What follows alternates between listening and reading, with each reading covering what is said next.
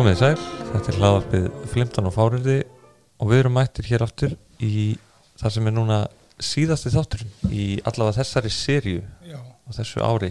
Uh, Við erum hérna Gunnlaugur og Ármann. Fyrirmynd okkar er Dallas. Já, Dallas var alltaf 24 þættir mm. í hverju sirpu og þetta er þáttur nummer 24 og verður þá kannski kemur í ljós í þessum þætti þetta var allt bara draumur Já, vonandi ekki, það var nú til dæla langt inn í sirpuna. Já, ok. Ef ekki vona við sem ennþá í fyrstu góðu sirpunni. Já, já, já, ok já. En þess að fyrsti, þetta verður seinasti reglulegi þátturinn okkar. Já, hins vegar rétt að geta þess að við höfum fengið fjölmargar áskonur um að halda sérstakann jólaþátt. Já, sko hlustundur kannast kannski við uh, þættina Call the Midwife og Downton Abbey og það eru alltaf jólaþættir. Já, þannig kannski verðum við með það og þegar ég segi kannski þá náttúrulega tóku hann upp fyrir helgi en, en, en lítin listrana blekking er að við munum taka hann upp á þólasmessu Nákvæmlega. En uh, við erum komið með góðan gest í dag.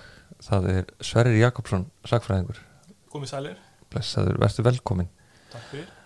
Um, Sverrir, þú ert hérna með skrifstofa á, á sama gangi og, og Ármann hérna í, í Átnagarði Það er rétt, Já, já, það er ekki ennþá búið að byggja nýtt hús íslenskra fræða Já, og, og úthýsa Ármanni úr þessu, en þessu góða húsi. getur verið ef þetta er endurflutt að eftir tvö ára þá verði búið að byggja húsið og, og þessar upplýsingar sé úreltar. Ef til vill, ef til vill, já. Já, við skulum, hvað vonar þú það Ármann? Eða Finnst þér kannski bara best að vera hérna? Það er ekki slemt að vera í átnakarði Nei, svo mikið er víst. Byrsi frá einu nýja húsi. Já, En við ætlum að tala hérna um uh, Já, þetta er kannski eitthvað sem, hefur, sem, sem hlustundur kannast eftirvill við, en þó bara kannski svona lítilega þetta, þetta efni, þetta eru væringjar um, Hvað eru væringjar, uh, Sverrir? Þetta er uh, góð spurning og eins Já. og margar góðar spurningar á hún sér ekki mjög innfald svar Nei, en sko ég held að fyrstu kynni margra íslendinga væringjum séu annarkvort í gegnum íslendingasögurnar eða ljóð Einars Benediktssonar eða í gegnum svona ýmsar bókmyndir. Uh, þetta er allt saman yngri endurgerðir af sögu væringja.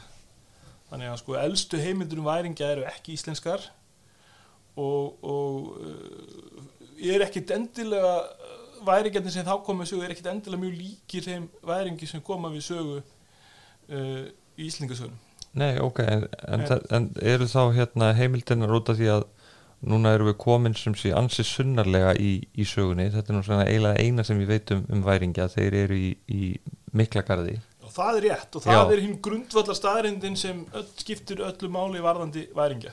En kannski veit ekki allir áhundur hvað miklugarður er Já, nei, það er kannski rétt. Því við erum náttúrulega að tala hérna um unga fólkið. Já, uh, það er sem sé Konstantinopel sem nú heitir Istanbul Já, sko uh, væringar eru ólíkir vikingum að því leiti að vikingar eru heiðingjar sem ræna saklaust fólk þeir ráðast á munkaklaustur og, og drepa fólk og eru með fullt af gulli. Í, þegar vikingar koma við Ísl, sögu í Íslendingasögum þá eru menn yfirleitt bara að berjast við þá eins og í njálu. Þá fer Gunnar á hlýðarandi viking og er bara að berjast við einhvern veginn aðra vikinga þannig að hann tekur ekki þátt í þessum svona sem vikingar eru þekktastir fyrir kannski á Vesturlundum væringar eru ekki þannig vikingar þeir eru menn sem berjast fyrir Kristinn keisara Rómar keisaran sjálfan því að Rómarveldi, ólíkt því sem margir halda það leið það ekki undir lok í fornöld, heldur Nei. bara áfram til á miðöldum þeir kölluðu sig áfram Rómverja og, og, og lítu á þetta sem beint framhald af hennu fornaríki og það var beint framhald af kannski, fornaríki kannski ekki þeir fyrstu Já, kannski ekki þeir síðustu sem, sem gerðu það. Þeir voru alltaf kallaði Rómverjar. Já, og hérna, fleiri reyndar reynda að skreita með þessum fjöðrum. En, en Rómarkeisararnir, keisararnir í Konstantinopel voru hinnir eiginlugu Rómarkeisarar artakar hinnar fornu Rómarkeisara.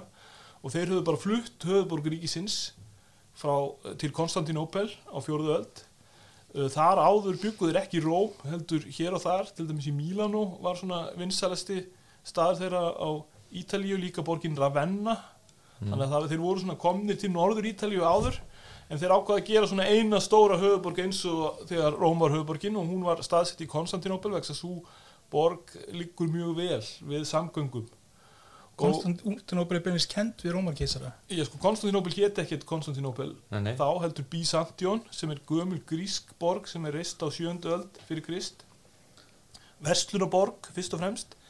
Þannig að sko á fjóruðu öld fyrir hún í svona makeover eins og það er kallað núna. Mhm. mm. ég veit ekki hvað myndið þið kallað það á íslensku ég við náttúrulega dölum ekki Yfir, slettur. yfirhalning. Fekk keisarinn svona fimm menn til að koma í heimsók Já, það voru fimm álitskjafar fengnir til að Já, sko, það var nánast jafn mikið vanda til verka eins og þegar menn fari í yfirhalningu nú á dögum og, og fimm álitskjafar kom að segja að það var sem sagt mældur út staður fyrir Konstantinópel og, og, og það sagt mjög nákvæmt. Og hún var reist á sjö hæðum eins og Róm. Já, og Reykjavík reyndar, ég held að flestar alvöru borgir séu á sjö hæðum ef við skilgrinum hæðina rétt sko. já, hva, Af því hver að- eru að sjö hæð- hæðir Reykjavíkuborgar? Já, það er til dæmis háteigur og háaleiti og, og landakots hæð sko, þú getur alltaf fundið sjö hæðir og, og Já. líkillin er að hægt að telja þegar það er komið sög ok. Og þetta þótti mjög merkingar bært að Konstantinópel var líka á sjö hæðum eins og Róm hafi verið. Og þannig að sko og síðan þá eru keisarar eh, voru undar skiptu daldi verkum að það voru oft nokk tveiri eða fleiri keisarar. Og það var þessi en aðal keisarin var í Konstantinópel. En Nú, sem og, og hvar voru hinnir? til dæmis á Ítalíu í Ravenna. Já, já, já, þetta voru bara og svona það voru þessir auka keisara sem liðundi lok þegar fornöld lauk. Mhm. að það var keisarin í Ravenna sem misti sitt embati en keisarin í Konstantinópel stóð áfram. Alveg þangað til hvað er 1400 1453 Einmitt. þá er borgin tekina af Tyrkjum og uh, kirkjunni breytt í heil, heil Sofju kirkjunni var breytt í Moskvu og nú er búið að breytta henni aftur í Moskvu þannig að sagan endur tekur sig Einmitt. og, og eftir það hefur breytist öll saga Evrópu en á miðöldum var þetta ríki e, í, í góðu standi svona það minkaði vísa setni hluta miðalda og sérstaklega 13. öld og 14. öld sem er svona kannski sá tími sem Íslendingar uh, það er svo tími sem íslendingasögunar eru að skrifaðar einmitt en ekki tíminn sem það lýsa og það er líkilatrið með Já. væringjana að þeir tilheyra ákveðinu fortíð þó það væru ennþá væringjar til í Konstantinóbel það er ekki væringjarnir sem er fjallað um í Íslendingasögun mm. og meiri segja í uh, rítum sem fjallum setjum tíma eins og 12. öld þá er tölvert um menn sem koma bara frá sem kallað mikli garður eða Konstantinóbel þeir eru ekki kallaðar væringjar í augum Íslendinga voru væringjarnir uh, þeir sem höfðu verið þar á 11. öld og þeir eru ólíki vikingum því leiti að þetta eru kristnir hermenn sem eru að berjast fyrir uh, já, æðsta ráðamann í kristni eins og Íslendingar töldu vera. Þeir bytta sér Grettir svo til dæmis. Já, Gretti saga er eiginlega svona þessi klassíska væringjasaga og, og Hen, henni líkur beinlinis í er það ekki í, í Miklagarði já, þannig séð sko að, Grettis er hemmt þar einmitt, en einmitt. hann að vísu flytur bróður hans uh, Þorsteinn Rómundur svo aftur til Norðurlanda Já, eftir ok. langa dvöl þar og hann er á sama tíma þar og Haraldur Harðráði Mhm. og Haraldur Harðráði er mjög mikilvægur fyrir það hvernig saga væringja var sögð á Íslandi á setni hluta miðalda eða á tíma Íslendingasagna. Hlustundur okkar geta náttúrulega hlusta á þátt nummer nýju til að já, kynnast Haraldi betur. Nákvæmlega. Já, sko, Haraldur Harðráður er auðvitað áhugaverð persóna því að við vitum að hann var í Konstantinóbel það er staðfest í heimildum á grísku, latínu og mjög víða þannig að þetta er sem sagt frá 11. öld meiri sér Já, hann er, hann er sá norðskonungur sem er kannski best þekktur úr samtíma heimildum. Hvað hérna þá er hann ekki kallaður Haraldur Nei. Harðráði, hann var stundum kallaður Haraldur Hárfæri Já. en aldrei Harðráði en hvað heitir hann á, á fortgrísku Haraldes eða Araldes. Og uh, það sem er svona grunn þættinir í sögu hans er að hann var þarna í þjónustu keisarans. Uh, í grískum heimildum er hann ekki kallaðar væringi því að það hugtak fer svona breið úr sér líklega aðeins að eftir að Haraldur var í hérna Konstantinópel. Og ég ætla kannski að koma að hugtakinu sjálfu kannski aðeins setna því það er svona þú lengri að liggja í saga. rannsóknum á sér ekki Jú, ég byrjaði fyrst að rannsaka þetta þegar ég var í námi uh, mistarnámi já, í Leeds fyrir 26 árum. Og þá áttu við að skrifa ammælisrit hann að stopnuna sem við vorum við hún var 25 árum þar myndir. Og skrifa einhver svona rannsóknarsögu einhvers merkilegs fyrirbær sem við höfum kannski áhuga að rannsaka sjálf. Og ég skrifaði um væringja. Og svo var nú ekkert af frekar rannsóknum að minna hálf í, í byli en ég auðvitað hugsaði daldið um það áfram og í doktorsriti mínu þá svona skjótaði þeir upp kottum daldið sem svona daldið kannski hvað að segja uh, bóðflennur, eru bóðflennur þar.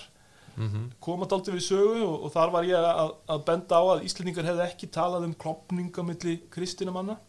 Nei, í austur og vestur kristni. Og væringjar eru auðvitað dæmi um það að, að það er ekki þessi hugmynd um stóra klopning sem átt að hafa gerst á 11. öld. Það er svona setni stór saga sem er kannski búin til af sagfræðingum mm og uh, hefur ákveðið líf vegna þess að krossferðirnar spiltu þetta mjög andanum á milli uh, vestrætna þjóðhöfingja og þeirra sem voru þarna í, Konstantinopel sérstaklega þegar uh, krossfara rændu borgina og hertog árið 1204 þá var það ekki aftur snúið. En tími væringjaliðsins er eða kannski laus við þennan klopning allavega hálfu norrætna manna. uh, sko eru uh, eru allir væringjar eru þetta, er þetta norrænir málilegar eða hvernig er það? Já, sko, nú verði ég eiginlega að koma því hvað væringjar eru Já, endilega og hérna uh, norræni menn skjóta upp heimildum uh, kottinum í, í, í grískum og latinskum heimildum og nýjundöld og líka arabískum heimildum og þá eru þau kallaði rús Nú. og við hyrð, En það þýðir ekki þeirra verði rús. jú líklega voru þeir í rús Ó. já, við hyrð, já sko ekki þannig rús Nei, nei, nei. Nei, nei, Nei. nei. Ég þetta er upp af hugt orðsins rússar er já, þarna sko Ég held Já. að unga fólki sem hlustar á veit ekki hvað rús er Nei, sko. kannski ekki. Og held, þekkir heldur ekki rússana sem voru við skóla ímsa, Nei, sem voru nýnumar. nei, Nei. nei, örgulega ekki Nei, þeir séu að fyrstu rússarnir eiginlega að byrtast þarna á nýjundöld og þeir eru þá virðast vera vikingar, norrannir menn Já, á þeim svæðin sem núna er Rúsland. Já, þeir, þeir komu líklega þar í gegn það er ein leiðin til að komast til Konstantinopel er að fara gegnum hann að sléttur þess sem síðar hétt Rúsland en hafði eiginlega ekkert nafn þá. Eða ekki, ekki nafn sem tengist þessum íbúum. Nei, og uh, þeir voru sendir sem sendimenn til frakkakonungs og hann komst að því að þessi sem voru kallað rúsar væri rauninni svíjar sem hann kannaðist mjög vel og hann líkaði ekki við þá þannig að hann sem sagt, skrifaði keisarum og sagði þú veist, þessi menn við þekkjum þá þeim er ekki treystandi Kalla finnar ekki ennþá svíja rússa. Rúotsi já, Já, jú, jú, já já, já. Þetta, þetta, þetta eru glæ, já, nákvæmlega, þetta eru glænir upplýsingar Já, Já, já. Veit fólk þetta? Nei, Já, Nei. finnar auðvitað finnar þetta og þeir sem þekkja. Finnland og finnska menningu. Nákvæmlega En allavega uh, rússar skjóta alltaf upp kollinum næstu uh, ára tíu aldir. Þeir eru nefndir í arabískum heimildum eða heimildum á arabísku um svipaleiti og uh, þar verðist þeir ekki einhver greinamöður af því sem kallar Ar-Rús og As-Sakhavípa sem eru þá slafar en, en svona auðvitað höfðum en ekki þessa hugmyndum aðgreiningu þjóða sem við höfum. Þannig að það er kannski, það er ekki hægt að gera ráð fyrir því að arabarnir hafi, eða gríkir hafi gert greinamöður af því hver talar En hefur tungumál. ekki samt verið tilneying hjá bæði fræðimönnum og almenningi ekki síst að taka nútíma landakortið og heimfara það svolítið Jú, upp á miðaldir. alveg, alveg hyggstalaust og, og þetta var þetta heitt mál til dæmis í Rúslandi á átundöld að þá fórum hann að rífast um það eru rússar afkomendur norrætna vikinga eða voru þeir alltaf slavnesk þjóð þessir vikingar komu svona frekar lítið við sögu menn hafa svolítið farið Já. til miðalda til að leita að, þú veist, uppruna nútímans og, og svona Já. því sem var á undan nútímanum og já, finna nútíman í, á já, miðaldum já, og En núna er, er er rússar og úgrænumenn að Já. rífast um þennan uppruna en, en hvorugt landið í rauninni til á þessum tíma sko. þannig að Einmitt, þetta er einmitt. svona þetta er svona daldið eins og Danir og Svíjar voru rífast um hverju væru bestu Íslendingarnir svona með vísun í fordriti en hann að þetta hjælt lengi og þessir rússar fóru til Konstantinopol þeir gera þarna viðskipta samninga við keisaran eða samninga, gríða samninga það sem er sko réttur kaupmanna er tryggður og um þær mundir, þetta er svona fyrir þetta tíundaldar þá byrtast þeir sem hermenn í hér keisarans í fyrsta sinn og það voru ekkert mjög algengt að, að, keisari notaðist við erlenda málulega á þeim tíma Já, það er oft talað um það sem málaliða. Er það alveg rétt? Já, sko, einhver leiti má segja það. En, en austurómska hér, austurómska ríkisins var fyrst og fremst bændahér, innanríkishér og, og, og mjög fáar erlendar hersveitir en, en þeir koma þarna einna fyrst Mm sem slíkir. Svo í lok 11. aldar hins var mjög algengt að, að keisarinn stýðist við erlenda hermenn og þá er farið að eru heita rúsandir væringjar.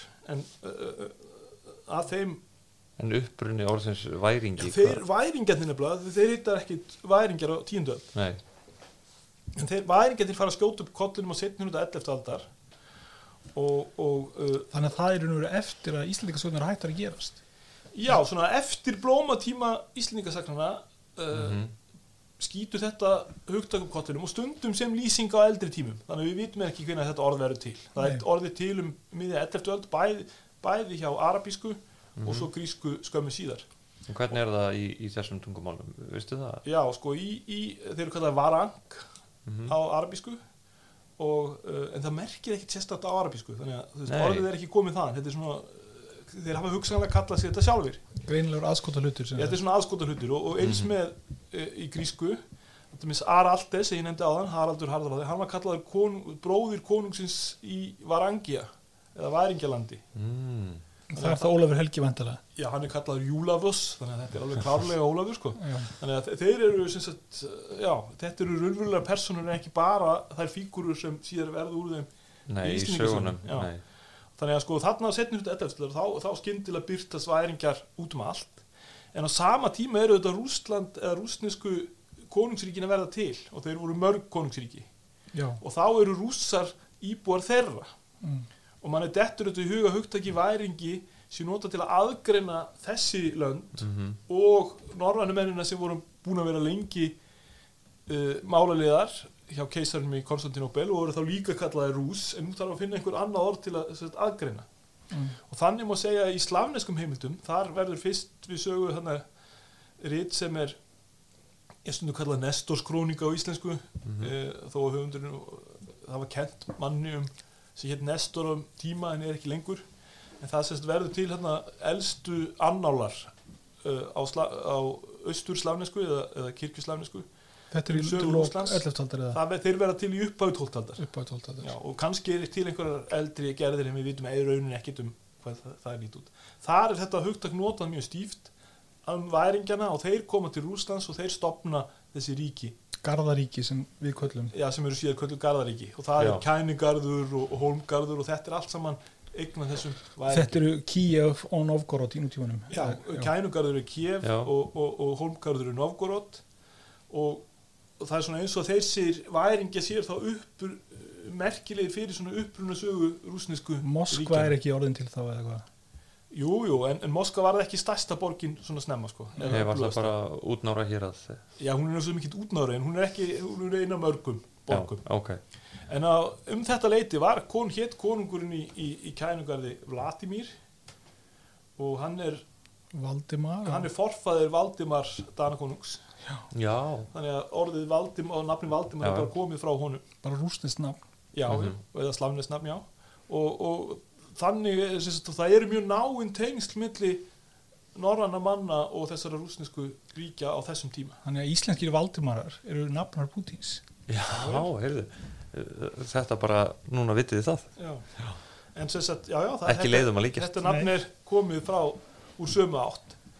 Og þá eftir það er verið að tala um norranna menn mjög mikið sem væringja og það verður svona sj- þjóðleg sjálfsmynd þeirra norrannu manna sem eru í í Konstantinopel En svo hefur stundum verið talað um sérstakann lífvörð væringja. Og það hefur svona gerð svo saga hann hafi verið stopnaður í lók tíundaldar þá er vitað að það komu málaliðar sem voru kallaði skýðar líklega norranni menn og eru þetta þessa lífverðir keisarans. keisarans eða Já, börðust með keisarinn skíðar eru þetta frá Svíþjóð Já, það eru þjóðir sem eru frá norður hluta eða Já. Rúslandi nútímans ok, og Ukraínu já. nútímans þessi norður hluta löndum norðan Skíþía náttúrulega Er Já. það, sem var kallað Svíþjóðið mikla já, í heimskringlu og, þannig, og, og í Konstantinopul höfðu menn það síð að menn kölluð bara oft löndin þeim nöfnum sem þið höfðu í fornöld og skýþja var þarna í fornöld og ef einhverju koma þaðan þá er þeir áfram kallaðir skýðar þeir, þeir voru ekki að miskilja þetta var bara ákveðin síður við að setja fram Mhm. hlutina. Sérstaklega minn skrifa á svona forngrísku eins og sagnar þetta gerðu mjög gærnan þeir skrifuðu á tungu aðfunumanna til forna ef þeir ætlaðu að skrifa svona alvöru flott já, já. mhm.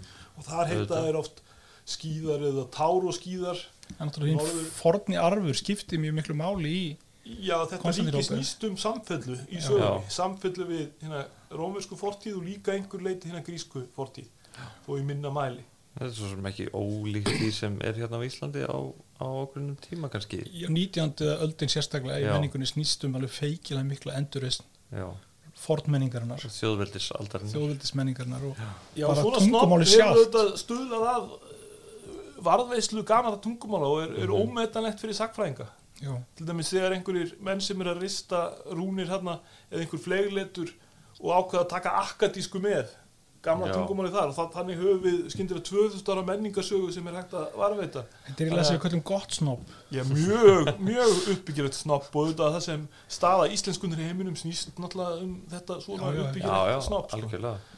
Þannig að það, það skildi engin lasta það og engin sakfræðingur væri svo vitleis að fara að lasta slíkt sko. Þetta alls ekki gagnlegt fortíða fyrir okkur. snopp sérstaklega Nei, nei og, og, og þetta bara tryggir ákveðna samfellu en auðvitað getur líka allir miskilningi sko. þegar Mhm. einhverju kallaðir skýðar en er í rauninni það verða svo kallið falsvinir já, Já. En, en sko sá sagnar þetta sem skrifar eitthvað mest um væringja þarna á 12. öld, fyrir 12. öldar, það er Anna Komnena og hún er svona það hljóma nú gríst Já, hún, já, sko, þeir, heita, þeir tala grísku. Í. Rómarveldi á þessum tíma er töluð gríska. Mhm. En hún horfði daldið aftur til fortgríska arsins. Þannig að hún skrifar æfisögu pappa síns, Alexiusar keisara, og kallar þetta Alioxiusar kviðu, svona eins og Íljóns kviðu. mm. Og hún hefur lesið sinn Hómer, það kemur ljóð, því hún er alltaf að- varpa fram. Til við erum ekki svo á Í- Íslandi að hafa þekta kvenkins sagnaritara nei, Nei, og þeir eru ekki margir heldur í Konstantinópel, þannig en að hún hefur hún hefur mikla sérstöðu Já. sko og það, það er nú bara sér kapla að tala um hennar ímynd í rítum því að hún hefur, hefur þann sess eins og margar konur sem geng út úr sínu hlutverki að, að, að vera skömmuð fyrir eins og Kleopatra drottning og fleiri kon, kon, við konur. höfum líka rætt þetta í þessu já, en á þessu þessum tíma, á tíma önnu sem er að skrifa þarna á byrjun 12. aldar, þá er komin einhver svona væringja sveit eða væringja lífvörður mhm, en það er ekkit víst að hún hafi verið til á dögum Haralds harðaráða á þeim tíma gætu væringjar hafa verið bara uh, norrænir menn sem voru að berjast fyrir keisaran mhm. ekki endil í svona sérstökum flokki. Já. og tími Haralds harðaráða það er sá tími sem kemur við sögu Íslingasögu já, og uh, menn höfðu þetta áhuga á Íslandingu sem hefur verið með Haraldi harðaráða og þar voru tveir sérstaklega nefndir í konungsögum það var Haldur Snorrason og Úlfur Ósbaksson í mitt stallari Já, sem er sonur Ósbaks, bróður Guðrúnar Ósvíðsdóttur. Þannig að þetta eru svona menn frá vesturlandinu og fleiri sögur um væringja snúast alltaf um ættingja þeirra af vesturlandi til dæmis Bolla Bollason sem er auðvitað Hérna. væringin sem var í fóstri hjá Snorra föður Haldurs. Þannig að það- það er svona, Snorra góða já, Snorra við góða. rætt heilmikið um En, en er þetta ekki, þetta er rosalega íslenskt það er svona, þú ert komin til útlanda og hittir Íslending og þá bara hverja manna er þú? Já, og það eru svona vestlendingar sem eru, fyrst, eru svona snemma á ferð með væringasöguna, þeir eru ekki einir og því að á, þegar kemur að Íslingasöguna þá eru alltaf húnvetningar mjög öflugir eins og þið þekkið. Jú, jú, Ég meina, Þorvaldur Víðförli kemur frá Gilja og, og, og þannig að svo staðrind að þessi vestlendingar séu þekktir sem helstu væringarnir gæti tengst í að það eru vestlendingar sem eru að skrifa sögurnar? Þetta- Já, auðvitað, sjálfsögðu, hér er verið að halda ákveðnum hér, það er ákveðin hérasmetingur og húnvetningar eignuðist líka sína væringja og, og þar kannski ber hæst maður sem kallaður Grís Sæmingsson. Grís. Já, og bjó í, í Geitaskarði í Já. Langadal. Í sem er setur á 13. Já, Þú veist, þú stóði mörg dýr hérna komin inn já einmitt, og Grís var giftur konu sem Hallfreður vandraðskáld elskaði. Og, og Grís á að berjast við Hallfreð. Aha. uh, en af því verður ekki því að Hallfreður fer í þunglindskast þegar hann fréttir af láti Ólafs konungs Tryggvasonar Mjög handtæk afsökunin. Ég, ég ætlaði að fara að segja, mér en hendur Grís skýður það svo vel því hann var sjálfur svo handgengin keisarinn í Konstantinópel Mm. að hann ákveður að, að, að þú veist, leggja nýður ófyrirna milli þeirra. Já, ok. Og, og Grís eins og fleiri sögurnum hann þarf í rauninni ekki að gera neitt til að sanna ákveðin sitt ekki frekar en Bolli Bollason sem, sem fræðimenn setni tíma hata við það sviðvegs, hann gerir ekkert í lagstalu Hann kemur bara lappandi mjög skröðluð Já, hann er bara flottur og það er eiginlega enginn á væringum í Íslingasögunum þeir eru bara búinir að sanna sig. Þeir Já. þurfa ekkert að sanna sig frekar. En sko, áður en fórum að taka upp þennan það þá rifjaði áramann upp fyrir mér að væringjarnir hafa síðan svona fengið endurnýjun lífdaga í, að, svona ákveðnum popkultúr Kannast þú við þetta sverðir? Já, Ármann er augljóslega að vísa í bókina Stjörnustríð. Já, nákvæmlega. Sem kom út uh, í 78 og, og þeir sem dó, dáðust af myndunum keiftu sér og, og, og eiga.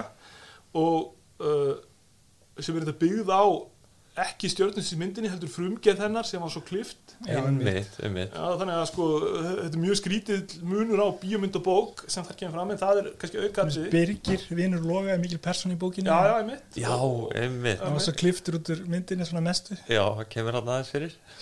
En sem sagt, það er hérna, uh, já, uh, í þeirri bók, þar eru sem sagt væringi notað sem þýðing yfir Yeti rittara, sem Nákvæmlega. síðan eru kallaðir svo. En, en fyrst og fremst þar.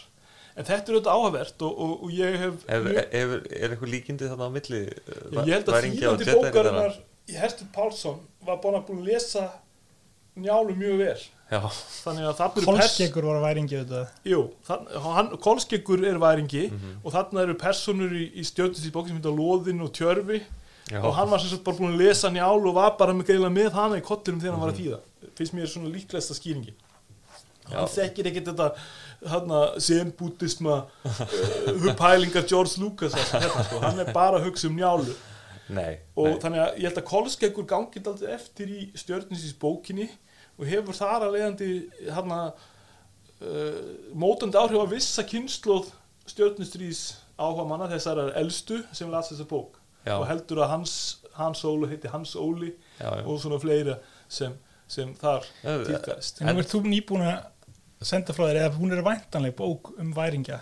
Já, uh, ég eftir margra ára áhuga þá ákveði ég að skrifa bók um hérna norrannu menn í Östurvegi Hún er á ennsku Já, hún er á einsku og heitir The Varangians in God's Holy Fire. Og Það, það er svo mikið alþjóðlegur áhuga er ekki á væringinu Jú, nefnilega, vegna þess að þetta er uh, efni sem höfðar ekki síður til erlends fólks en Íslendinga. Þannig að ég hérna samti hana nú að ensku og Mhm. hún kemur út hjá Palgrave Macmillan núna í, í á að koma út í desember Þessi þáttur er mynd fluttur 16. november ef, þeim, ef það þeim blönum verður þá er hún ennþá ókomin þegar Já. þátturinn verður fluttur en, en er von væntanlega á næsta leiti frábært og þar fjalla ég nú margt af því sem ég hef rætt í dag og meðal annars stjörnustís bók já, þýðingu Herstins Pálssonar. Ok. Þetta er í fyrsta skiptir ekki sem minnst er þetta í fræðiritt um væringja. Já, ég get sagt það, ég ætla að svona nú sá gropp sög, ég let mjög færan fræðimann lesa þetta yfir. Áður en ég senda hana í trútgjönda og hann sagði það er meiri sér eitthvað í þessari bók sem ég vissi ekki. Og ég held að það hljóta að vera þetta stjörnuntrís bók Herstins, þýðing Herstins Pálssoni, ég, Ég- hann veit allt annað sko. ég held að fólk muni vera mjög hrifið af því en það er eiginlega ekki hægt að hérna, ljúka þessum þætti á þess að minnast á að uh, þið eru náttúrulega ekki bara á sama gangi hérna í átlangarði þið eru af, af sama kyni Jú, þið jú. Sverrir og Orman. Nú, við höfum text lengi, við höfum Já. text frá því fyrir fæðingu já, þannig að það er auðvitað heil löng kynni má Já. segja það hérna, ég hugsaði á leiðninga að það væri einhvern veginn of auðvelt að koma með einhverja, ég veit ekki brandara um uh, hérna í þessum þetta en ég ákvaði að sleppa því um einhverja týpur af brandara. En það er líka, þú veist, það myndi þá kannski fél í sér vísanir til einhverja sjómarþáttu sem engin mann eftir lengur. Já, af því að það er náttúrulega unga kynnslóðin sem er að hlusta á, mhm. á þennan þátt og hefur aldrei hýrt um þarna, fjarlæga fortíð okkar í Já. sjómarþáttum hérna á nýjum Já. dagtögnum Já, Já, nei, í sjómarpi klukkan fjögur um Nei, nei, ég held að sé bara einn maður sem horfir á þessar endursýningar. Ég syns að í vor var það fólk í sótkví Já. Nákvæmlega. En, en sko er þetta þá ekki fyrsta sinn síðan hvað 1990 sem þið eruð hérna síðan þið voruð í getur betur að þið eru saman komnir áttur á, á öldum ljósakans. Hvoru okkar mundi eftir öðru dæmi? Þannig að hef ekki bara segja það að þetta sé, Já. söguleg reunion. Já, nákvæmlega. En unnuðu getur betur? Við unnum hana með miklum yfirbörðum á Já. 1990 einmitt. Uh, gegn hvaða skóla? Það var Verslunarskóla Íslands. Já, frábært. Þeir eru nú einhvern veginn komist í úrslut fyrir kæði heppilega tilvíðina þannig að þetta var eiginlega burst í, í, en, en, en þetta er eins og segi fjarlag fortíð og Já, ekki ne- neitt sem maður talar um lengur. Nei, já, ég veit, jú, ég myndi alveg tvímælust tala um þetta alltaf en þið hefði kannski bara margt fleira til að vera stoltir af. Ég held að á þessum tíma vissi ég til dæmis ekki mjög mikið um væringa og veit heimun meira núna.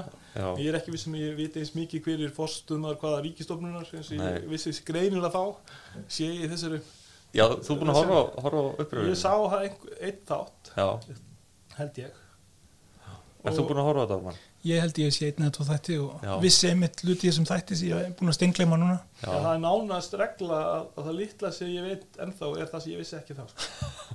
það er hérna, ég mun koma líka í endursýningum Já, verður ekki komin í nóvambur Uh, jú, kannski, Já. það er 2012 sko, það tapa, töpuðu fyrir einmitt Vörsló, en ég er rosa glæður að því að við unnið á Já, við unnum líka lögvenni gengtum hann, held ég, Þess. minnir mig. Já. Það var alveg skelfilegur þáttur. Þá vorum við langt undir getið. Já, en rétt mörðum sigur samt. Já, gott, gott.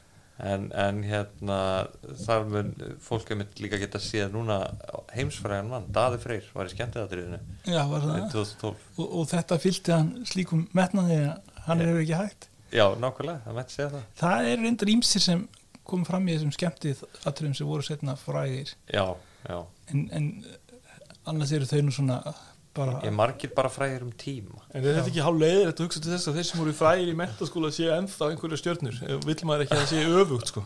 við erum nú kannski fyrst og reynst stjörnur eða ég allavega í þessu hraðvarpi já, það má segja að Já, ég sé aðal stjarnan hér. Hér er náttúrulega kildaðunulögum Það tekur engin, engin fyrir það En, en takk hérlega fyrir komuna, Sverri já, takk fyrir, mér fannst ég verið rétt að byrja þegar þáttum lög, þannig að ég bara Já, það er nú eh, svona viss áhætt að bjóða manni sem er nýbúin að skrifa bókum efnið í þáttin og Já. ætlast til að hann haldi sig við 20 ég, ég kannski bara segi Þetta var það mjög er meir um þetta í allt saman í bókinni. Já. þannig að lesið Já. það endilega. Já, fróðleiksþyrstur, við höfum nú áður bent fróðleiksþyrstum á það að það er heilmikið efni til á, á netinu og Nefnilega, víðar nefnilega. um það sem við erum að tala um hér. Og núna uh, skora ég á fólk að googla uh, nafn Sverris og skoða rannsóknir hans á þessu efni. Já, og við erum með, með heimasíðu Já, um rannsóknir á vikingum í Austurvíi. Mér minnir að að sem heitir slóðin hvað, waffiah.is sem hvort það sé vaff fyrir vikingar í fyrir í og að fyrir Austurvíi, ég veit ekki. En Mhm. allavega vía Það geta allir munað það glæsilegt. þá getur við séð hvað við erum svona að bralla sem erum að rannsaka þessi hluti og það er auðvitað ekki bara ég, það er fjöldi manns Já, sem kemur við sögu þar og, og ég hvet fólk til að skoða það sem best. Já takk hérlega fyrir